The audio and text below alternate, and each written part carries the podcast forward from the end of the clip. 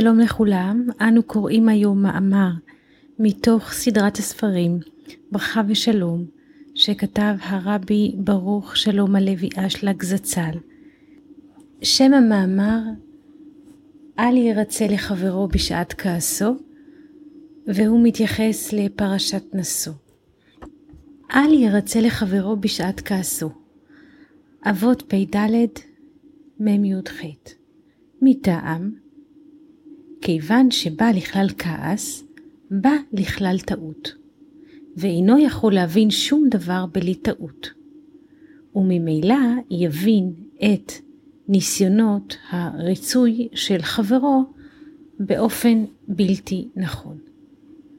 יישא השם פניו אליך, כלומר, יעביר כעסו ממך. זהו שנאמר, יישא השם פניו אליך. כתוב אחד אומר, יישא השם פניו אליך, וכתוב אחד אומר, דברים יוד, אשר לא יישא פנים. כיצד נתקיימו שני הכתובים הללו? כשישראל עושין רצון המקום, אז יישא השם פניו אליך, וכשאין עושין רצון המקום, אשר לא יישא פנים.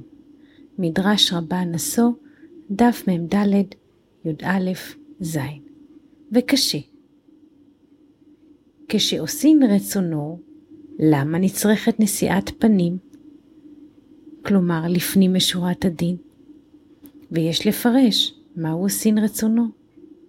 ידוע שרצון השם הוא להשפיע, וכשהתחתונים עושים מעשים להשפיע, זה נקרא עושין רצונו. ואז יש עניין השתוות הצורה. אז השם יכול לתת להם בחינת נשיאת פנים, הנקרא בחינת גילוי פניו יתברך. היינו, שנעבר מהם את הצמצום וההסתר שהיה שורה עליהם. מה שאין כן, כשאינם עושים רצונו, היינו, כשאינם משתדלים בעניין רצון להשפיע, שזהו רצונו של מקום, אם כן, אין כאן עניין של השתוות הצורה, אז מוכרח להיות בחינת תיעלם והסתר, וזה נקרא אשר לא יישא פנים, אלא אחוריים שאינו מאיר להם. וכמו כן יש לפרש על עזרה מעם השם. למי נותן עזרה? למי שעושה רצונו של מקום. שיש לפרש שעניין עושה פירושו כמו עשייה. היינו, עבודתו היא שהוא משתדל שיהיה לו רצונו של מקום. היינו שהוא משתדל להשיג את הרצון להשפיע. אז השם יישא פניו אליו, לעזור לו להגיע ולהשיג את הרצון להשפיע. שזה נקרא הבא להיטהר מסייעין אותו. מה שאין כן, בזמן שאין עבודתם לעשות רצונו של מקום, שכל עבודתם היא רק בהרצון לקבל, אז נאמר אשר לא יישא פנים. היינו שלא מקבלים עזרה מלמעלה, שהרצון לקבל ישלוט עליהם. אלא, כמו שכתוב, הבא להיטמא פותחין לו. ולא מסייעין אותו.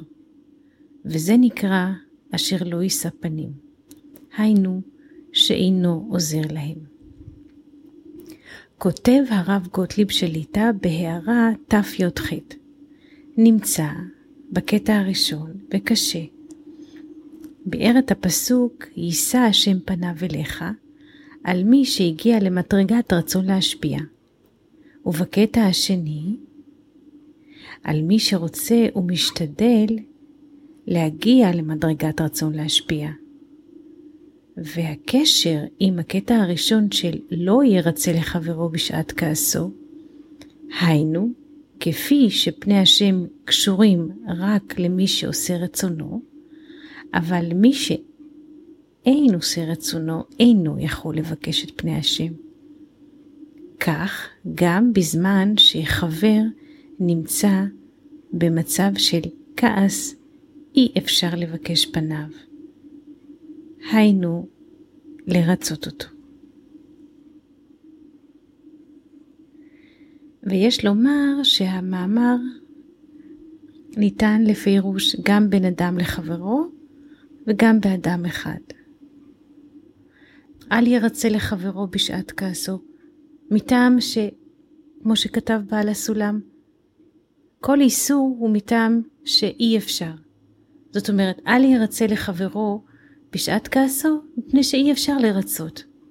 כי כעס זה מצב של אחוריים. במצב של אחוריים יש טעויות בהבנה, ואי אפשר להיראות, להראות את הפנים. זה באשר בין אדם לחברו. היות שכל התורה נאמרת באדם אחד, נמצא שכאשר אדם כועס,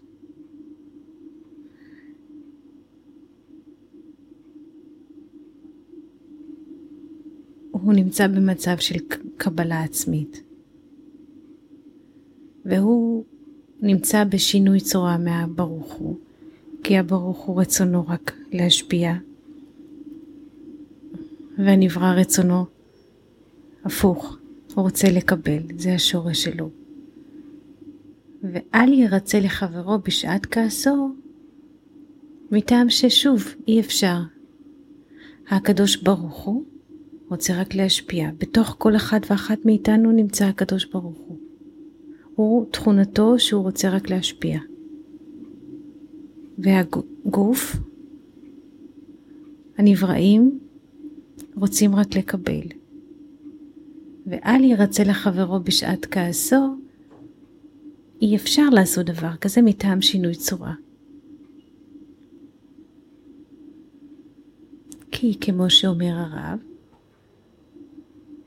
יישא השם פניו אליך, כאשר ישראל עושים רצונו של מקום, כלומר כאשר אדם עושה את רצונו של מקום, ואז יש לו שיווי צורה, עם הבורא אז יש נשיאת פנים. זאת אומרת, הארת הפנים. וכאשר אדם נמצא בכעס, זאת אומרת שישראל אינם עושים רצונו של מקום, אז אשר לא יישא פנים, אין הערה.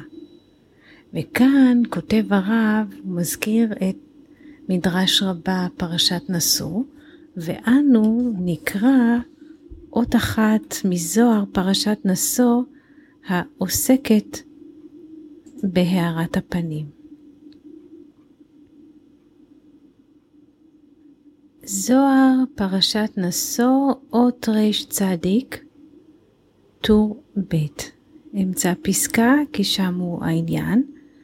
בהאי כתיב יאר השם פניו וגומר, שגם הפנים דזר אנפין מאירים, שמהם מקבלים התחתונים, ובשעתה דהתעבדו סומקה, דהיינו מטרם שקיבלו הערת פנים דאריך אנפין, כתיב יישא השם פניו אליך, שפירושו יסתלק ולא ישתכח רוגזה בעלמא.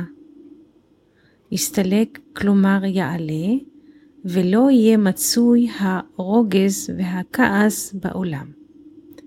כי פנים פירושו גר, כלומר ג' ראשונות. יישא הוא מלשון ונשא שא מהעדר,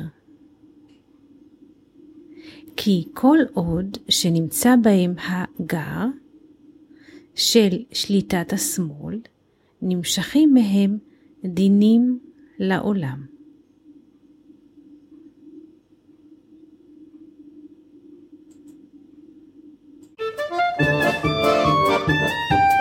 Thank you.